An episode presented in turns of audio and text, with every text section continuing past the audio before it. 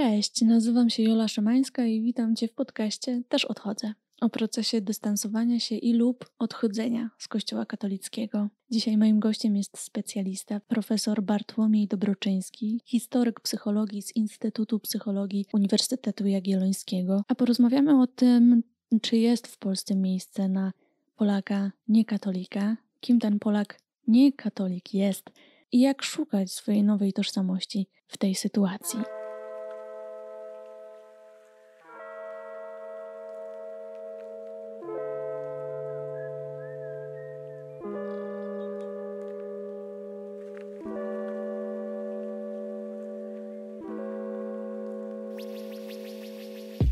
Witaj, dzień dobry. Dzień dobry, bardzo mi miło. Jakie emocje na początku towarzyszyły Ci, kiedy usłyszałeś, że, że powstaje taki podcast i że, że będziesz jego częścią? O, to jest trudne e, pytanie, dlatego że emocje są zazwyczaj mgliste i często wewnętrznie sprzeczne. Z jednej strony bardzo się ucieszyłem, dlatego że wydaje mi się, że bardzo potrzeba w Polsce dyskusji na temat religii, roli religii w życiu poszczególnych nas, jednostek, grup, e, tak zwanego całego narodu.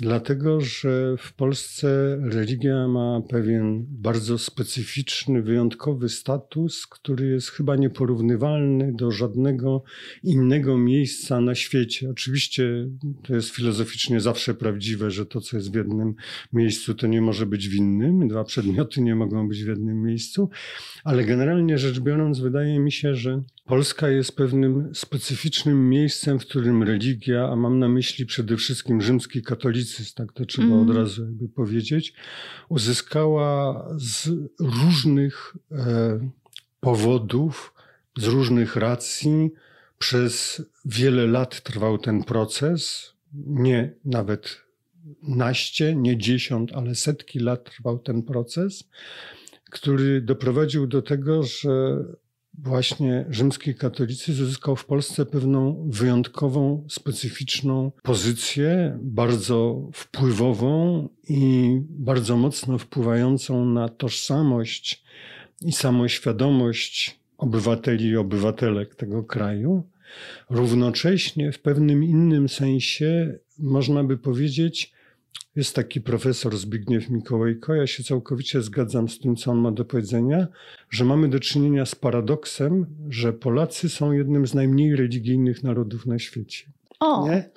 I w związku z tym E, oczywiście, jak skontaktowałaś się ze mną, pomyślałem sobie, że fajnie będzie porozmawiać o takich różnych sprzecznościach polskiej religijności, o tym, dlaczego ona jest taka ważna, ale też opowiedzieć sobie o religii w ogóle, niezależnie od rzymskiego katolicyzmu, od wszystkiego innego, dlatego że to jest problem, jak wszystkie problemy złożone, jak wszystkie problemy skomplikowane w polityce, w takich debatach publicznych, w dyskursie, w różnych tekstach gazetowych. Najczęściej mamy do czynienia z bardzo uproszczoną wizją rzeczywistości, a świat współczesny jest tak skonstruowany, że ci, którzy mają uproszczoną wizję rzeczywistości, zyskują dużą popularność, przez ileś tam momentów będą mieli siłę, ale w konfrontacji z systemami bardziej złożonymi przegrają. Co to znaczy, że Polacy nie są religijni? Bo to jest szokująca mhm. teza. To znaczy, że religia ma pewne funkcje, będę mówił w sposób uproszczony, ale nie po to, żeby upraszczać, tylko po to, żeby wyjaskrawiać pewne rzeczy, pokazywać je wyraźniej. Rzeczywistość jest troszeczkę bardziej złożona, ale to jest tak jak szkic. Nie? W szkicu wszystko się zgadza, tylko trzeba wypełnić to dodatkowymi kolorami, tam poświatłocieniować, ale sam generalny zarys zostanie to samo. Mm zostanie taki sam. Więc mówiąc szkicowo, w Polsce religia pełni trochę inną funkcję niż ona zwykle pełni, czy zwykle powinna pełnić, szczególnie religie, które są bardziej zaawansowane, religie, które są jakby zorganizowane, pełnią inną funkcję normalnie niż w Polsce. I w największym skrócie, gdy ktoś spytał jaka, to bym powiedział, że pełni funkcję tożsamościową. To widać w takich enuncjacjach, kiedy mówią politycy, że tylko pod krzyżem, tylko pod tym znakiem Polska jest Polską, a Polak jest Polakiem, pokazuje od razu, jakby język nami mówi, pokazuje od razu tą tożsamościową funkcję religii. Ja bym tak zaczepnie powiedział, bo dobrze jest zaczepnie formułować tezy do dyskusji, że dzieje się tak, dlatego że Polacy nie mają żadnej innej tożsamości poza religijną. I w związku z tym ta tożsamość Polak, katolik jest jakby jedynym sposobem, w jaki można się spozycjonować w stosunku do innych tożsamości. Bo jeżeli byś wzięła i zadała przeciętnym ludziom na ulicy. Przeciętnym rozumie dużej grupie. Nie mhm. chodzi o to, że istnieją jacyś przeciętni ludzie, tylko tak zwanemu człowiekowi z ulicy, jak pozytywiści mówili, mężczyźnie czy kobiecie, pytanie, na czym polega polskość poza katolicyzmem? Odrzuć z polskości chrześcijaństwo, zobacz, co ci zostanie. To obawiam się, że nie dałoby się znaleźć żadnej takiej rzeczy, która byłaby wystarczająco wyraźna, bo poszczególni ludzie mogą coś tam popowiadać, żeby ona się powtarzała u bardzo wielu ludzi. Mm. Czyli innymi słowy, ktoś może w polskości wynajdować różne poszczególne rzeczy, ale jedyną wspólną rzeczą jest chrześcijaństwo, czy też raczej katolicyzm niż chrześcijaństwo, bo chrześcijaństwo to jest coś bardzo złożonego, coś bardzo szerokiego. Wiele narodów na świecie, takich jak na przykład Brytyjczycy, czy Galowie, czy Francuzi, czy Niemcy, kiedy przychodziło do nich chrześcijaństwo, oni mieli już dość złożoną mitologię i dość złożone zaczątki pewnej tożsamości, nazwijmy ją psychologiczno-wspólnotowej, czyli pewne wyobrażenia, które kiedy chrześcijaństwo do nich weszło, to ci tam druidzi, Nibelungowie, Morgana, Merlin, mówię świadomie postaciami z różnych miejsc Europy, z różnych tradycji, oni weszli z chrześcijaństwem w pewien dialog na równych prawach. Kiedy chrześcijaństwo pojawiało się tutaj na naszych ziemiach, ono było po pierwsze narzucone siłą, całkowicie, można powiedzieć w pewnym sensie tak samo jak w Amerykach było narzucone czy w Afryce nie natrafiło na żadną wspólnotę zuformowaną jakąkolwiek tożsamością. W ogóle takie mówienie jest jakby w ogóle bez sensu, no ale trzeba to powiedzieć. Mówimy jakby do, żeby mogli nas zrozumieć wszyscy, którzy nie muszą koniecznie jakby zdawać sobie sprawę z tego, jak wyglądała historia Polski tysiąc lat temu czy tysiąc pięćset lat temu. I w pewnym sensie później, kiedy kształtowała się ta, nazwijmy, wspólnota zwana Polską czy polskością, to ona była wspólnotą przede wszystkim wokół tego myślenia chrystocentrycznego. Można powiedzieć, nawet jak byliśmy pod zaborami, nawet jak Słowacki mówił Polsko w Watykanie twoja zguba, to oni wszyscy byli chrystocentryczni, Polska była Chrystusem narodów, etc., etc. I w pewnym sensie można by powiedzieć tak, że ten taki wątek, w którym my umiemy się utożsamić właściwie tylko negatywnie, na zasadzie nie jesteśmy Rosjanami prawosławnymi, nie jesteśmy Żydami, nie jesteśmy Niemcami, nie jesteśmy Francuzami, nie jesteśmy, a kim jesteśmy Polakami? A co to znaczy? To znaczy, że jesteśmy katolikami. Prowadzi do tego, że widzimy to, jak to ludzie widzą na co dzień, bo wystarczy zadać sobie bardzo proste pytanie. Ludzie honorują swoją tradycję, swoją przeszłość przez pomniki. Nie, to są takie trwałe jakby ślady tego, co oni chcą mieć jako pewną grupę odniesienia.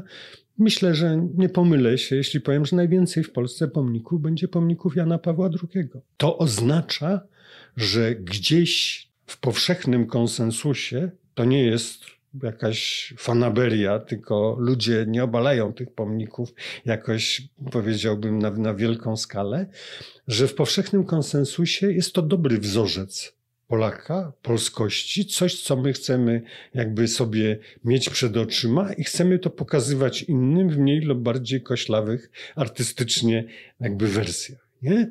Tak samo jak wejdziesz do naszego parku, obok tutaj nagrywamy, obok Parku Jordana, Instytut Psychologii jest w Krakowie, obok Parku Jordana, to tam nie ma wyzwolonych seksualnie kobiet na pomnikach, a jest tam dziesiątki tych pomników. Nie ma mm, wielkich awangardowych artystów, nie ma Grotowskiego, e, nie ma, mm, nie wiem, Ireny Krzywickiej, e, nie ma Edwarda Abramowskiego, nie ma PPS-owców. Są przeważnie duchowni i żołnierze. Maria Janion nazywała naszą kulturę katolicko-militarno-myśliwską.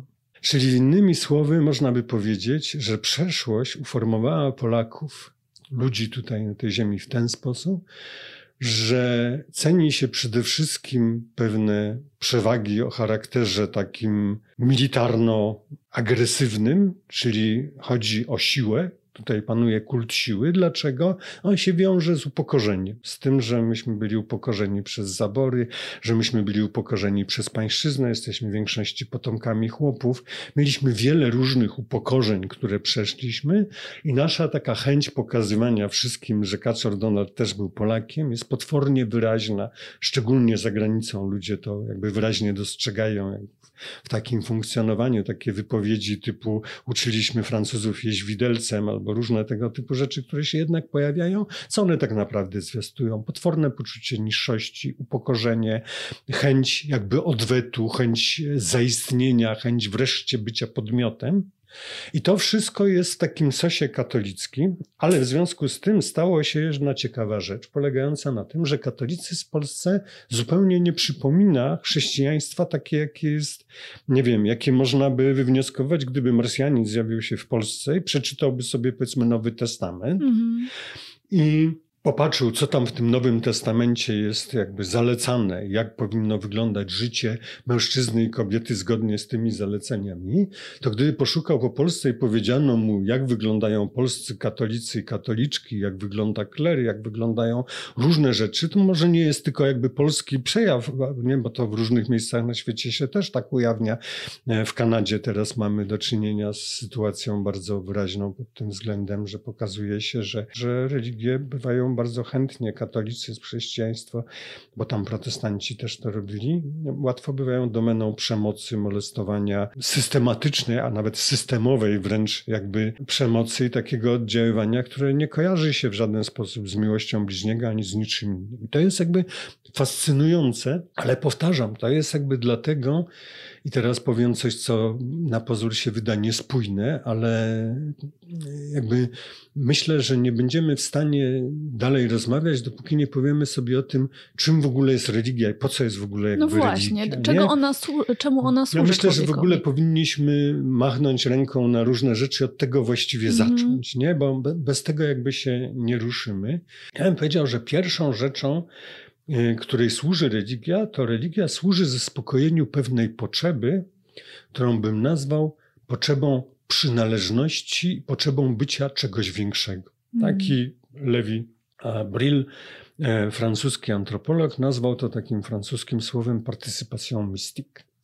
Jakiś ewolucyjny psycholog powiedziałby coś takiego, że przez ostatnie kilkadziesiąt albo kilkaset tysięcy lat ludzie żyli w takich hordach niewielkich, takich grupach, dzisiaj byśmy powiedzieli plemiennych, które były rządzone umysłowością magiczną. Wszyscy członkowie i członkinie tych grup myśleli magicznie. Przypuszczalnie nie odróżniali się od reszty, stanowili coś, co my nazywamy dzisiaj rojem, albo hordą, albo stadem, które polegało na tym, że wszyscy zależeli od siebie nawzajem, współpraca była jakby istotną częścią funkcjonowania, i teraz w sytuacjach, kiedy taka grupa uzyskiwała powodzenie, zdobywała jedzenie, zyskiwała jakąś przewagę, tworzyła się taka ponadjednostkowa jakby unia, właśnie to partycypacją mistyk, takie mistyczne współuczestnictwo, poczucie, że jestem częścią większego organizmu, który jest źródłem mojego bezpieczeństwa, który dba o mnie, w którym wszyscy o siebie dbamy, ale to poczucie takiego roztopienia i poczucie jakby bycia częścią czegoś większego jest czymś, co, z czym my przychodzimy Na świat. na świat i w ogóle ludzie, co jest rzadko jakby doceniane, innym językiem można to jeszcze powiedzieć, w ogóle są istotami stadnymi. My jesteśmy jak wilki czy jak szympansy, a nie jak brusuki. Mm. To znaczy, my nie istniejemy w pojedynkę. Obojętnie jakim kto jest samotnym wilkiem czy samotną wilczycą, w żaden sposób nie jesteśmy w stanie funkcjonować tak jak borsuk, który nie potrzebuje żadnych innych borsuków poza rozmnażaniem do tego, żeby funkcjonować. My potrzebujemy innych ludzi, potrzebujemy ich nie tylko w sensie fizycznym, w takim sensie nazwijmy biologicznym, adaptacyjnym, egzystencjalnym, że dziecko od małego potrzebuje bardzo długo innych dorosłych, którzy się nim muszą opiekować, bo inaczej ona po prostu umrze i nie zginie. Ale dziecko, a tak samo inni ludzie potrzebują innych nie tylko w takim kontekście, nazwijmy to biologicznym, adaptacyjnym, egzystencjalnym, nazwijmy to fizykalnym wręcz, ale potrzebujemy innych na poziomie psychologicznym, to znaczy potrzebujemy innych jako źródło naszego poczucia bycia kimś ważnym, e, akceptowanym, kochanym, znaczącym, znajdującym swoje miejsce, można by powiedzieć nie w sensie lakanowskim, innych potrzebujemy jako lustra. Jest takie często przywoływany makabryczny przykład, że dzieci niedotykane w najmłodszych latach pierwszych jakby miesiącach swojej egzystencji po prostu umierają. My akceptacji, przyjaźni, miłości, afirmacji ze strony innych potrzebujemy nieomal w takim samym stopniu, jak potrzebujemy jedzenia, powietrza, wody, czystego środowiska. I teraz przychodząc jakby na świat w ten sposób, my mamy coś takiego, co nazywa się mentalną inercją ewolucyjną. My przychodzimy na świat w społeczeństwie, nie wiem, ktoś powie ponowoczesnym, postsekularnym, technologicznie zaawansowanym itd., tak tak dalej, ale gdzieś bardzo płytko pod tym nasze umysły przynależą do tej pierwotnej hordy i my na różne sposoby próbujemy odtworzyć tą jedność, bo jej potrzebujemy do codziennego, normalnego funkcjonowania. Systemy się zmieniają, inaczej funkcjonujemy we wspólnocie pierwotnej, inaczej w feudalizmie, inaczej w kapitalizmie, w, róż, w różnych jakby typach funkcjonujemy. Nie zmienia się jakby ten fakt, że my potrzebujemy mieć swoje plemię, swój klan, swoje punkty odniesienia. Religia ma tutaj dla nas całą spójną ofertę. Dokładnie. Można by powiedzieć jeszcze inaczej, że teraz religia jakby funkcjonuje równocześnie na dwóch planach. Mhm. Na planie pewnym zbiorowym, czyli religię, niektórzy by powiedzieli, że w ogóle koncepcja bóstwa, Boga, ostatecznej rzeczywistości to jest wspomnienie z tego partycypacją mistyk, z tego odczucia wspólnoty i bycia częścią czegoś większego, czyli wyjścia jakby z siebie, czy wyjścia poza siebie na zewnątrz. I ten wątek jest jednym jakby wątkiem, który jest, wydaje mi się, w religii fundamentalny i podstawowy. Natomiast oczywiście jest nie wolno jakby lekceważyć drugiego wątku, którym jest to, że wszyscy założyciele wielkich religii czy strażnicy religii, mówię o takich systemach bardziej rdzennych czy plemiennych, to oni musieli mieć pewne doświadczenia, zwane doświadczeniami religijnymi, bo oni musieli jakby zachęcić innych, żeby podążyli za taką, a nie inną konkretną ścieżką. I teraz te dwa wątki, pewne doświadczenie, jakie mieli, powiedzmy, nie wiem, Mahomet, Paweł Starsu, Chrystus, Buddha, różni inni założyciele różnych religii czy ścieżek religijnych, teraz może być różnie jakby interpretowane. Z jednej strony można to interpretować, że to doświadczenie, możemy tak być takimi jak XIX-wieczni ewolucjoniści, twardzi i bezwzględni, powiedzieć, że to jest taka odmiana regresji do tamtego stanu, tego pierwotnego stanu, od, jakby odtworzenie takiej sytuacji jak złona matki, jak e, z takiej wspólnoty, kiedy się było zależny od czegoś większego mm. i w pełni jakby zaspokojony, nakarmiony. E, Napełniony, to wręcz to są, to są takie słowa i pojęcia używane także w katolicyzmie. Oczywiście, no oczywiście, no bo to jest, jest taka koncepcja, jak większość koncepcji tego rodzaju, dość ryzykowna, ale ja ją dość lubię, która mówi, że e, tak naprawdę większość religii powstała na bazie jakby kontrastu e, między sytuacją e, naszej pełni egzystencjalnej, pełni zaspokojenia i powiedziałbym wręcz poczucia wszechmocy i królowania w kosmosie w momencie, kiedy byliśmy w życiu płodowym. I to jest sytuacja w większości religii opisywana jako sytuacja jedności z bóstwem w raju a potem gwałtownej kary, która polega na tym, że za pomocą brutalnych ruchów e, skurczów szyjki macicy zostaniemy wyrzuceni z tego raju, rzuceni w inny świat, kompletnie obcy.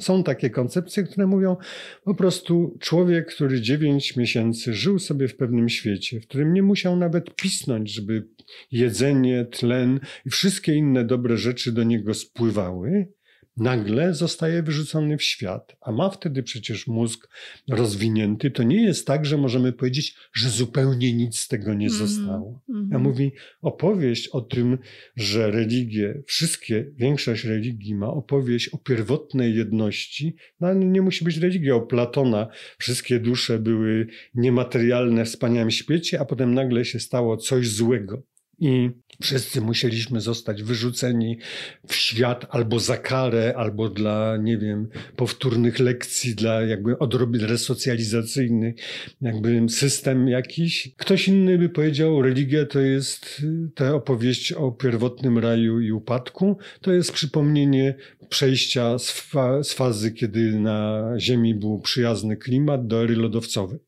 nie? Wygnanie z raju i znowu. I to się układa u ludzi w taki mit, że dawniej to było lepiej, kiedyś na początku było fajnie, a potem wszystko się jakby skiepściło. Ten podcast nie mógłby powstać bez wsparcia moich matronek i patronów w serwisie Patronite, dlatego każdy odcinek jest dla nich dostępny z tygodniowym wyprzedzeniem. Jeżeli tylko chcesz wesprzeć moją pracę i poznać innych ludzi, którym na niej zależy, możesz do nich dołączyć na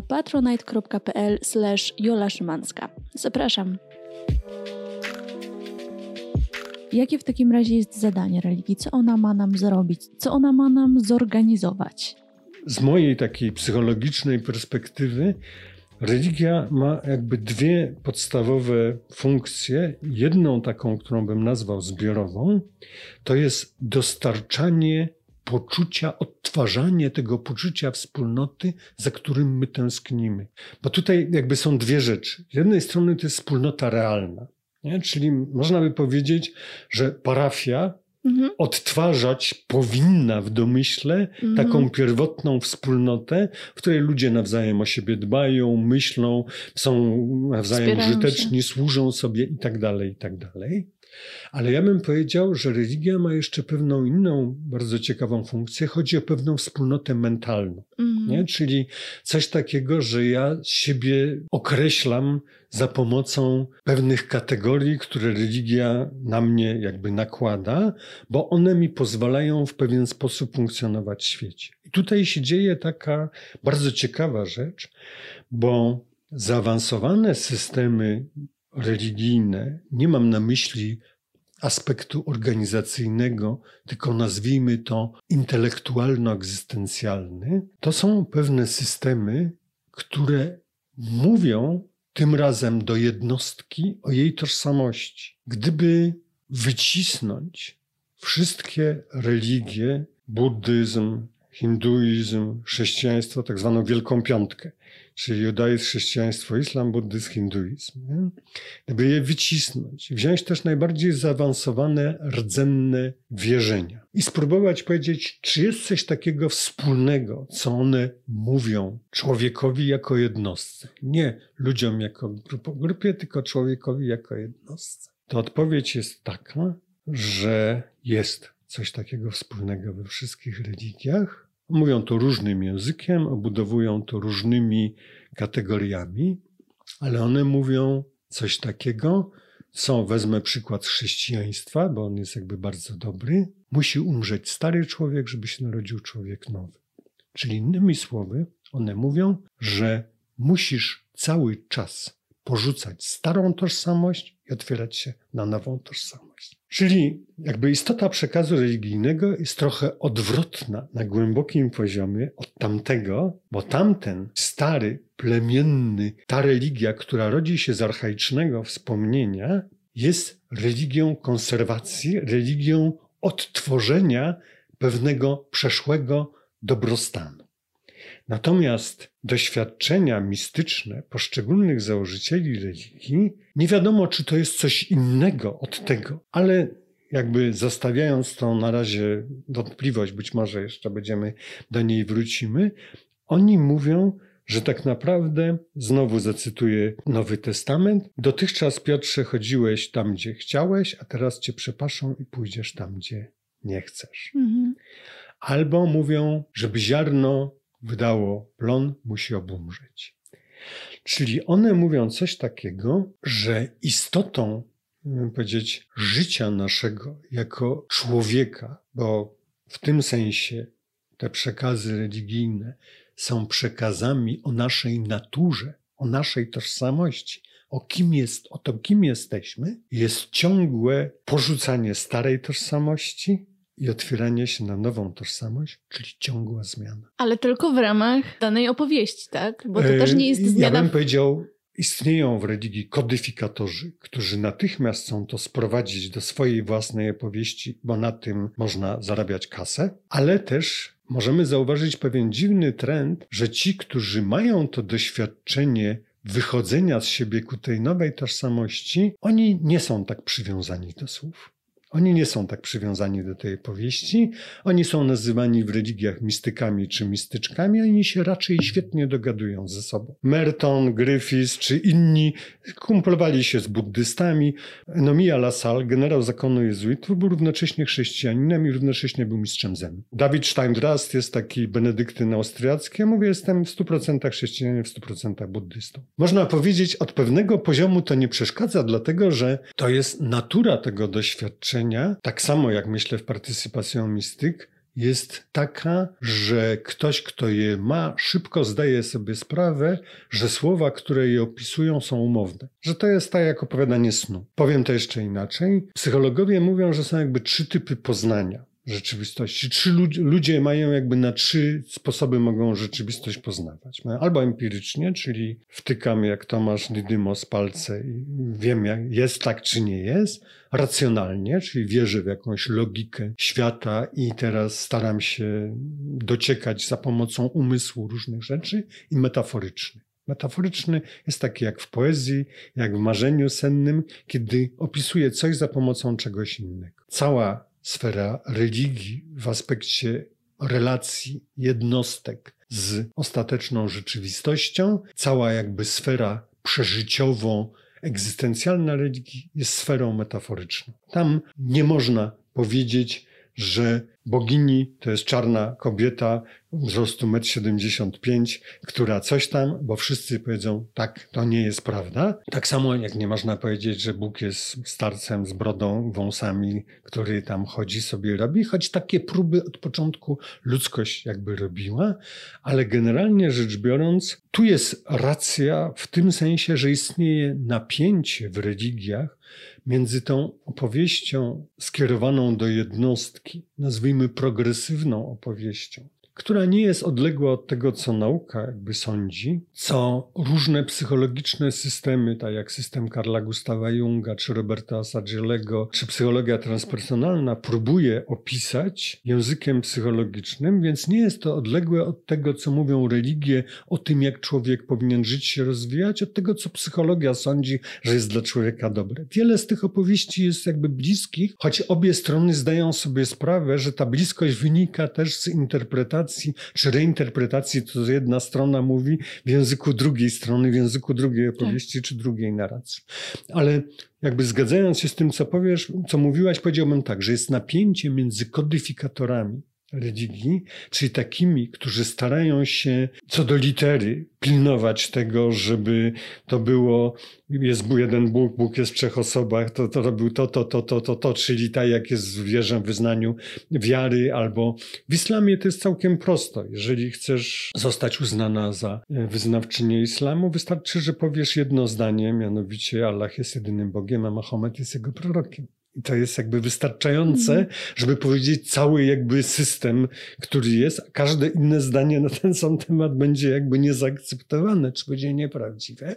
Więc kodyfikatorzy, czego wynikiem na przykład w naszym kręgu religijnym, kulturowym jest katechizm, starają się powiedzieć punkt po punkcie, to pozostałość pewnie prawa rzymskiego albo tak. różnych innych rzeczy, punkt po punkcie, co wolno, czego nie wolno. Dla niektórych ludzi to jest jakby wygodna mhm. sytuacja, mm. czy lubią coś takiego.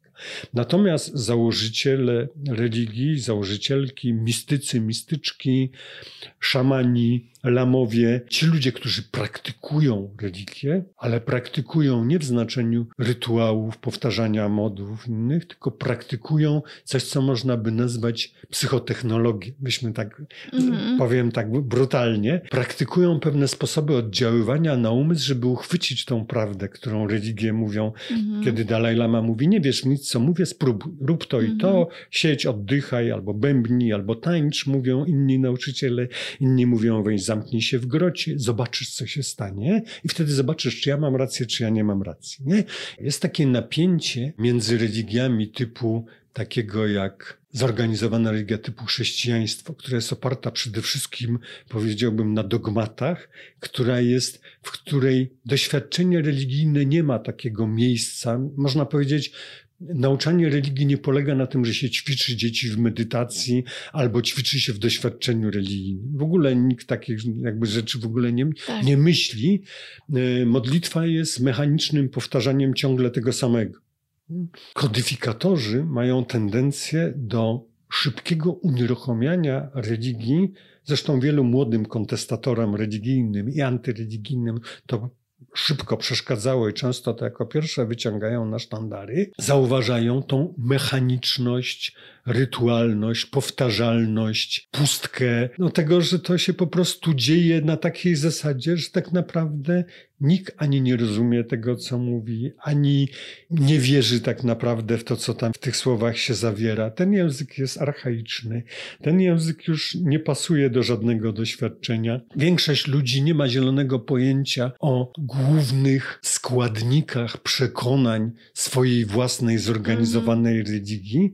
Jakbyś znowu poszła na ulicę, spytała przeciętnego bądź przeciętną, o czym mówi dogmat o niepokalanym poczęciu. To większość ludzi nie ma zielonego pojęcia, czego on dotyczy. Mhm. Byłaby zdziwiona koszmarnie, że główne jakby osoby, których dotyczy, to dotyczy Joachima i Anny. Że on wynika z Augustyna koncepcji grzechu pierworodnego, że każdy jego zdaniem akt seksualny przekazuje grzech pierworodny, że grzech pierworodny jest jak choroba weneryczna przenoszona drogą płciową. W związku z tym problem jest, że Maryja jako matka Jezusa byłaby grzeszna, kiedy poczęłaby Jezusa i co by w związku z tym wynikało? Ona musiała się urodzić bezgrzeszna. Żeby się urodziła bezgrzeszna, akt płciowy Joachima i Anny jej rodziców musiał być bezgrzeszny. Mm. I o mhm. tym mówi dogmat o niepokalanym poczęciu Maryi. To dotyczy jej, a nie Jezusa, mm. jak większość ludzi sądzi. Nie, tu chodzi, tak. można powiedzieć, 1500 lat temu subtelny problem teologiczny, też może powiedzieć bzdurny, wydumany z dzisiejszej perspektywy, kompletnie nie wiadomo jaki, ale ważne jest, że u nas nie ma ani dyskusji teologicznych, ani nie ma żadnej świadomości religijnej, bo większość ludzi, ci krzyczący Polska katolicka e, ONR-owcy w ogóle jakby nie wiedzą, o czym oni mówią, no bo mówią katolicka to znaczy z kobiety Żydówki i jej syna Żyda. Elohim też pewnie był Żydem, bo Matka Boska, no, skoro wybrał ją akurat, no to jeśli działa zgodnie z ONR-owskimi wyobrażeniami o absolutnej czystości rasowej, no to Bóg jest też Żydem, nie? Związku z tym w pewnym sensie zrobienie w państwie antysemickim, takim jak nasze, religii, której głównymi założyć, głównym założycielem i najważniejszą postacią oraz większość apostołów to są Żydzi, no, pokazuje po prostu stan umysłów ludzi, który pokazuje, że tak naprawdę gdzieś na głębokim poziomie, jeśli dołączymy do tego życiorysy, powiedzmy, najważniejszych hierarchów Kościoła katolickiego w Polsce aktualnych, najbardziej znaczących, mm. episkopatu, ludzi mediów, etc., to zobaczymy, że to w ogóle nie ma żadnej jakby koincydencji, żadnej korelacji, żadnej, nic wspólnego ze sobą. Kompletnie nic wspólnego. Nie, nie wiadomo dlaczego ci kapłani chodzą w płaszczach żołnierzy rzymskich, ale jest realna potrzeba. Mm.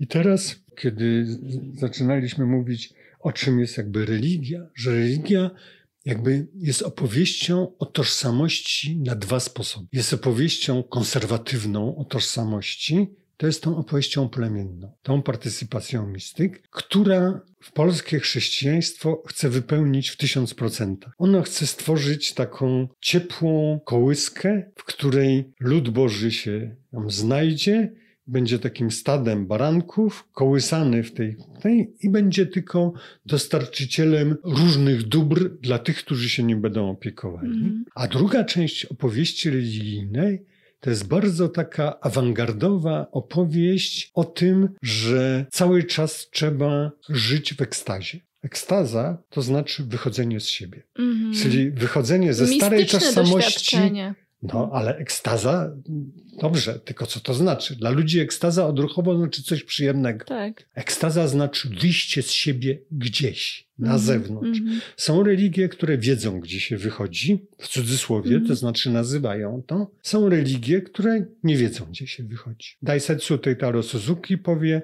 Satori polega na skruszeniu pancerza tożsamości, wyjściu gdzieś na zewnątrz. Skruszeniu tego ja, które dotychczas myślało, że jest niezależne, osobne. Ale to w kierunku czego się wyszło, my nie wiemy, czym to jest. Nieważne. Ważne jest zobaczenie tego wyjścia. Bo gdybym ja mówił, byś mnie spytała tak w jednym zdaniu, o czym jest religia? Religia jest o tym, że rozszerzasz się jak wszechświat w nieskończoność. To znaczy, religia jest o tym, że cały czas musisz wychodzić z siebie na zewnątrz. Mhm. Że cały czas religia jest zachętą do życia w ekstazie.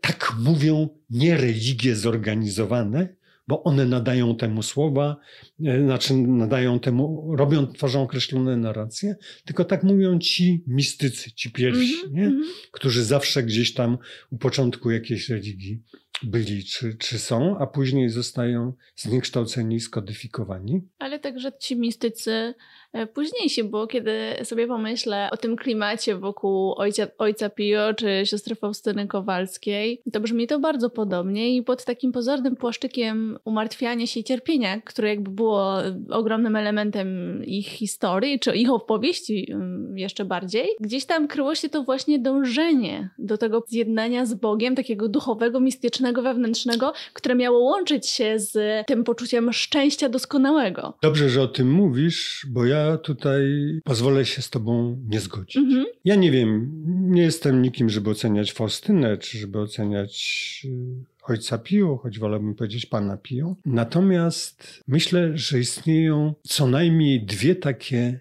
indywidualne strategie w religii uzyskiwania pełni człowieczeństwa mhm. męskiego czy żeńskiego, czy doskonałości, których jedna się jakby wzorzec określa słowo sakrum, a drugi wzorzec określa słowo sanctum. Zacznijmy od sanctum, bo to jest bliższe temu, co mówiłaś o Faustynie Pił.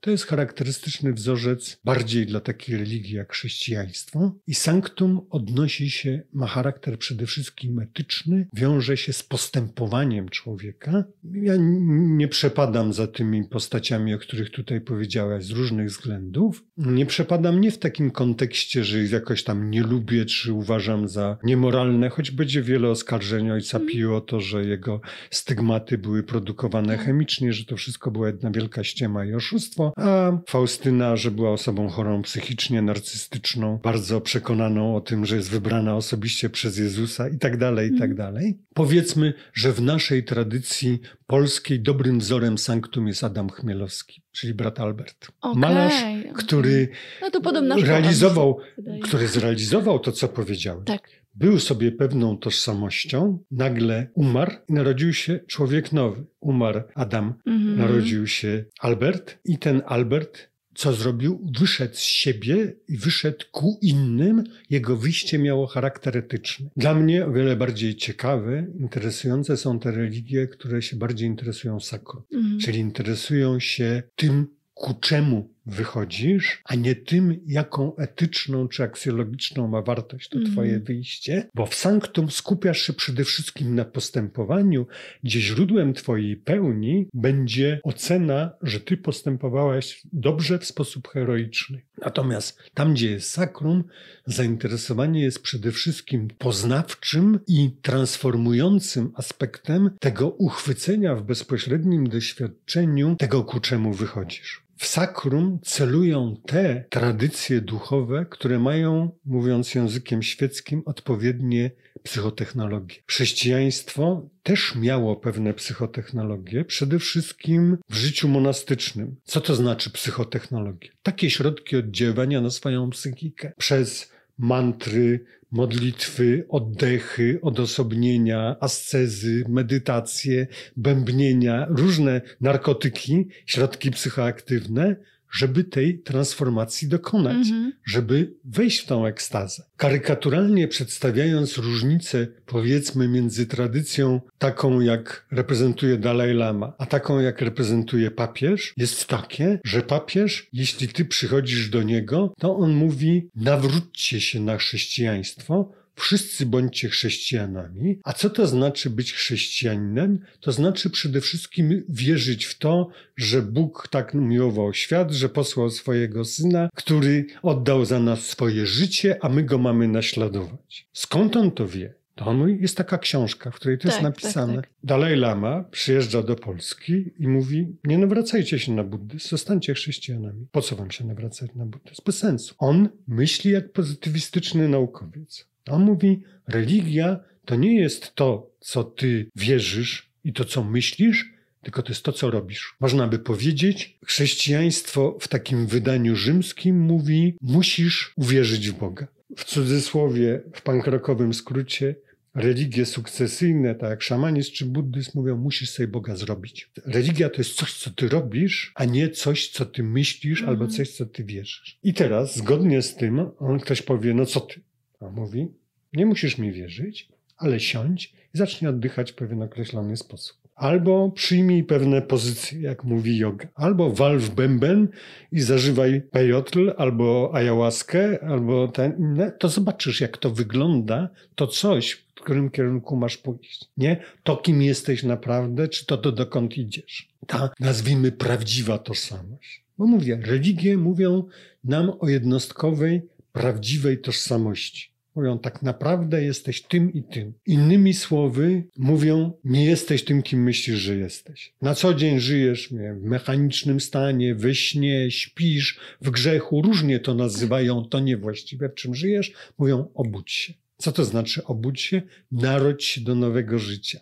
No to jakie to jest nowe życie? No to nowe życie, a co ze starym? Stare musi odejść, musi umrzeć. Teraz pytanie, zaczęliśmy od tego. Dlaczego Polacy nie są narodem religijnym? Dlatego, że wyznają prymitywną, plemienną religię ciepła, wspólnotowego, mm-hmm. natomiast w ogóle nie ma tego wątku umrzyj i urodź się na nowo. Nie istnieje. A nawróć się?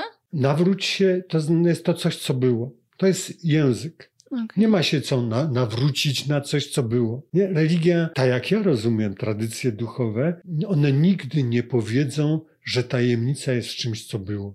Znaczy, my mamy takie pragnienie, które jest z tych ewolucyjnych czasów, żeby odtwarzać to partycypacją mistik. I teraz religie, politycy, współczesne ruchy korzystają z tego, narzucając pewne narracje na tą ludzką potrzebę katolicką, polityczną, różną inną, tworzą pewne jakby wspólnoty, bo my mamy konieczną potrzebę pewnej tożsamości nie tylko indywidualnej, ale zbiorowej, mm. a zresztą indywidualna jest też oparta na zbiorowości, tylko ja mogę różnie tą sobie skonstruować, albo mogę przyjąć narzuconą mi jakby all inclusive, czyli na takiej zasadzie jesteś Polakiem i katolikiem, albo mogę być selektywny i mogę sobie powiedzieć, a jestem trochę lesbijką, żydówką i weganką z punkowego zespołu Slater Kinney, a jestem trochę amazońskim Indianinem, a jestem trochę biseksem skądś tam, a jestem trochę kimś innym, czyli mam, odczytuję takie wspólne rzeczy, rezonuję z takimi sprawami i we współczesnym jakby czasie mogę skonstruować sobie bardzo złożoną jakby tożsamość. Te są jakby dwa wzorce tożsamości mm. ludzie mają od zarania dziejów skonstruowane. Jeden wzorzec tożsamości jako odkrycia czegoś, co już wcześniej było. Co mówi Platon? Platon mówi, na początku byłaś duszą, żyłaś w jedności, w idealnym świecie, wszystko było ok. Mm. Byłaś doskonała. Narozrabiałaś i teraz zostałaś zesłana na ziemię, został stworzony wtórny świat z papiermasze, z materii, z czegoś gorszego, na wzór tego doskonałego i zostało stworzone ciało i ty zostałaś wrzucona w ciało. I w tym ciele ta twoja dusza jest jak w celi. Nie ma dostępu do prawdy, do piękna, do dobra, do wszystkiego, bo jest trochę jak oszołomiona, jak pijana, no tak człowiek w ciele, w mhm. celi, ma kraty, nie widzi. I w pewnym sensie dusza zapomina w ciele to, kim jest, czyli innymi słowy, twoja egzystencjalna sytuacja tu i teraz, w tym momencie jest taka, że ty jesteś nie w pełni sobą, bo żeby być w pełni sobą, musiałabyś sobie przypomnieć tą swoją preegzystencję, czyli bycie być może w poprzednich ciałach, ale przede wszystkim bycie w świecie idealnym, tym, że jesteś duchową, rozumną istotą, która nie powinna być w ciele, nie powinna zależeć od wody, ziemi, ognia i powietrza, całej tej masy bezrozumnej, ślepej, która powoduje, że jesteś w tych emocjach, w szale, w pomieszaniu, mm -hmm. w mhm, cierpieniu mm -hmm. innym. Musisz jakby Platon, to są cytaty z Platona, wrócić do pierwszego i lepszego usposobienia. Tym samym twoja prawda o tobie, twoja prawdziwa tożsamość, to jest używając sokratejskiego słowa, to jest anamneza, przypomnienie sobie. Twoja prawdziwa tożsamość to jest kwestia pamięci. To jest mhm. przypomnienie sobie, kim ty tak naprawdę jesteś. Augustyn czy inni chrześcijańscy myśliciele mówili, kim Bóg sobie ciebie wymyślił. Kim mhm. jesteś jako ideał w oczach Boga. Twoje najlepsze, idealne ja. I teraz ta koncepcja tożsamości, ona była bardzo popularna. W wielu kręgach jest popularna do dzisiaj w różnych odmianach, która mówi, trzeba odkryć zdolności, Trzeba odkryć, do czego ona się nadaje. Trzeba odkryć, kim on powinien być, kim ja mam być właściwie, jakie mam predyspozycje, jaką mam predestynację, co ja mam zapisane. Chrześcijaństwo wzmacnia ten wątek taki, nazwijmy, profetyczny, że wszystko jest w pewnym sensie powiedziane, ustalone. Ty masz tylko odkryć prawdziwy stan rzeczy. Tą zawaliło się dość szybko ta koncepcja w gnostycyzmie. Później dopełnili gnostycyzmu egzystencjaliści, którzy mówią: A gdzie jest miejsce na moją autentyczność? Gdzie jest powiedziane, że ten ktoś, kto wymyślił ten świat i to wszystko skonstruował, ma na myśli moje dobro? Może on jest niedobry. Może on działa przeciwko mnie. Może jest tak jak w Matrixie, albo jak w Truman Show, że to jest pewien spektakl, który jest zrobiony po to, żeby mnie więzić. Co być może tutaj skok jest za duży, intelektualnie podejrzany, ale powiedzmy prowadzi nas gdzieś do egzystencjalistycznej koncepcji tożsamości, która być może w takim micie amerykańskim się później najlepiej ucieleśnia, to jest tożsamość jako projekt. Mhm. Nie jako odkrycie czegoś, co było, tylko ty wymyślisz sobie siebie taką, jaką chcesz. A skąd się bierze to, jaką chcesz, to jest na razie inna sprawa. Ale ważne, że nie jesteś nikomu nic winna, nie masz żadnej predestynacji czy predyspozycji, tylko chcesz, to będziesz rock'n'rollowcem, chcesz, to będziesz programistką komputerową, chcesz, to będziesz podróżniczką międzygwiezdną. Czym chcesz być? Jeśli sobie to wymyślisz, to cię zafascynuje i pociągnie, to dlaczego masz tego nie zrobić? Nie masz żadnych zobowiązań jakby wobec niczego. Jesteś wolna. Piekło to inni, by powiedział Sartre. Musisz siebie wymyśleć, musisz siebie jakby stworzyć. U nas nie ma w ogóle pomysłów w naszej polityce, kościele, edukacji na zasadzie takiej, a kim my byśmy chcieli być. jako naród, jako Mhm, miasto, mhm. jako rodzina, jako Polacy, jako poszczególni ludzie, na zasadzie, co by nam się chciało. Czy chcemy być międzygwiezdnymi turystami, czy chcemy być wielkimi muzykami, poetami, poetkami i muzyczkami, czy chcemy być ekspertami od seksualności, czy od ekologii. Jak, jak my chcemy to urządzić? Nic takiego nie ma. Mhm. Nie? Istnieją tylko wątki, herbarze, zielniki, to miłość się z tego naśmiewał. Kalendarze, zielwarze, herbarze, zielniki, kalendarze, zielniki, herbarze i w nieskończoność, a bitwa pod Grunwaldem, a Samosiera, a y, uratowaliśmy Wiedeń, a uczyliśmy Francuzów, a Mhm, mhm. Cienkiewicz, a Zbyszko z Bogdańca, a coś tam. A co z przodu? A co za 20 lat? mhm. A kim będziemy, jak zmieni się układ wszystkiego, nie? Mhm. I to nawet nie chodzi tutaj taki aspekt intelektualny, tylko chodzi o aspekt takiej pasji, kreatywnej pasji życia, wymyślenia siebie. Ale to wymyślanie siebie to jest e, jakaś droga dla odkrycia czy poznania, odnalezienia swojej własnej tożsamości na przykład poza kościołem? No cały, ja, ja, ty mówisz cały czas językiem tym starym, nie? Bo szukasz, Okej, że potrzebujesz okej. wzorca. Są dwie koncepcje, Mhm. albo jest wzorzec, albo nie ma Mhm. wzorca. Albo jest dekalog, jest Bóg, jest demiurg, jest pewien wzorzec, mówi trzeba go odtwarzać Mhm. na ziemi tak jak jest we wzorcu, albo jak mówi Darwin, nie ma wzorca. Idzie do przodu, co chcesz. Skąd, co mnie to obchodzi, jak Okej, chcesz zrobisz? okej. Pytaj siebie, odkryć możesz to w takim sensie, że nie jakby w sobie, tylko że pojedziesz gdzieś do Islandii, zafascynują cię gejzery, zaczniesz studiować gejzery, zostaniesz specjalistką od gejzerów. Mhm. Albo, nie wiem, zobaczysz performansy Mariny Abramowicz i będziesz chciała robić to, co ona. Też masz taką historię swojego własnego odejścia z kościoła katolickiego. Już o tym nie zdążymy mm, porozmawiać, ale ponieważ to doświadczenie masz, co byś powiedział młodej osobie, czy w ogóle człowiekowi, który w dzisiejszej Polsce decyduje się zrezygnować z chodzenia do kościoła, z szukania swojej tożsamości właśnie w kościele katolickim? Szczerze, jak się tak zastanawiam, to to są jakby najtrudniejsze pytania, dlatego że żyjemy trochę na własną odpowiedzialność, na własne ryzyko. Jesteśmy istotami, które się od siebie różnią. To, co jednemu pomoże, drugiemu zaszkodzi. Z wiekiem, powiedziałbym tak, szanuję ideograficzność, czyli szanuję niepowtarzalność ludzkich doświadczeń. Powiedzieć komuś, co ma zrobić, myśleć, albo jak się do usto- nie, nie znając jego drogi życiowej, ani nie wiedząc, kim on jest, nie wiedząc, jakim jest mężczyzną, jaką jest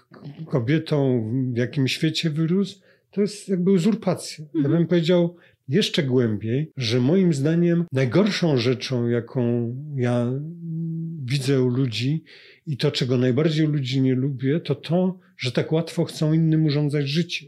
Ja bym powiedział, że to było jedno z powodów, dla których ja jakby y, poczułem, że ja potrzebuję jakby odejść. To jest to, że mi się wydaje, że ludzie mają poglądy, to ich sprawa, ale lubią się nimi dzielić, to mnie mniej podnieca, ale lubią je narzucać, tego w ogóle bardzo nie lubię. Mało tego, chcą innym urządzać życie, mało tego jeszcze oceniają ich z perspektywy tego, jak żyją. Ja bym powiedział jeszcze dwie rzeczy, takie na koniec myślę ważne. Pierwszą, że to, co w Polsce jest dla mnie najtrudniejsze, to to, że zbliżając się do wieku Beatlesowskiego, czyli When I'm 64, że w Polska to jest krajem, który w tych oparach wolności, dążenia do wolności, stworzyliśmy się takimi, że w Polsce trudno jest być sobą, że wszyscy przed wszystkim udajemy kogoś innego niż jesteśmy. Nie można otwarcie powiedzieć, co się lubię, nie wiem, w seksie, w religii, w kulinarniach, w rasach, w gustach estetycznych, czymkolwiek, bo stanie się obiektem błyskawicznie hejtu, ocen i różnych innych rzeczy. I to mnie zaskoczyło w którymś momencie, bo jako 17-latek byłem fanem polskości. Jako 64-latek, jak to kiedyś poprawił mnie Tomasz Stawiszyński, uzyskałem do polskości bardziej zniuansowany jakby stosunek. Ładne. Tak. W Polsce to jest przerażające. Wszyscy chcą zrobić jedną owczarnię, jednego pasterza. Żeby wszyscy jedli to samo, słuchali tego samego, oglądali to samo, lubili to samo, byli tacy sami. Z punktu widzenia bioróżnorodności, ewolucji, to jest sprzeczność, bez sensu, dlatego że ewolucja naturalnie dąży do różnorodności, do wielości. Różnorodność jest dobra, bioróżnorodność jest dobra, psychoróżnorodność, duchoróżnorodność jest dobra, jednorodność jest niedobra. Ona nie daje nic dobrego.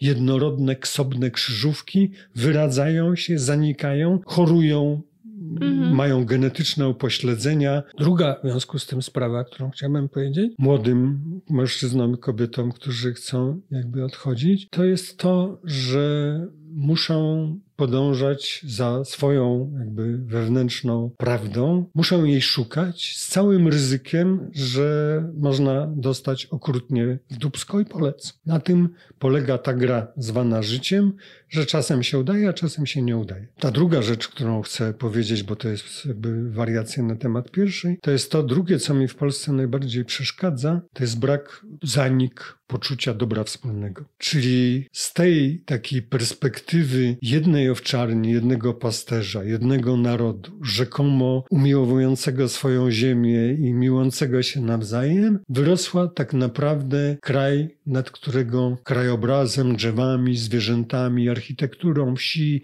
miasteczek ubolewają wszyscy mhm. nad betonozą, tak. nad wszystkim, gdzie wygląda na to, jakby nikt go nie lubiał, nikt go nie kochał, nikt nie byłby zainteresowany, nikt o niego nie dbał, gdzie wygląda to po prostu strasznie. To jest trochę tak jak z Orwella, można powiedzieć, tam gdzie się dużo mówi o wolności, Bogu, miłości, patriotyzmie, o czymkolwiek, tam na pewno tego nie ma. Mhm. Bo jak mówi stare taoistyczne powiedzenie, kto wie, nie mówi, kto mówi, nie wie. Ja bym to przetransponował. Jeśli coś jest, to o tym się nie mówi. Jeśli się o czymś mówi, to znaczy, że tego nie ma. Myślę o brzuchu wtedy, kiedy mnie boli. Kiedy mnie nie boli, to o nim nie myślę. Więc to, o czym się mówi bez przerwy, o co się powtarza, o czym się bez przerwy myśli, znaczy, że tego nie ma. Bardzo, bardzo Ci dziękuję za rozmowę i sama nie wiem, e, jak, za, jak ją zakończyć. To jest chyba rozmowa, w której zadałam najmniej pytań.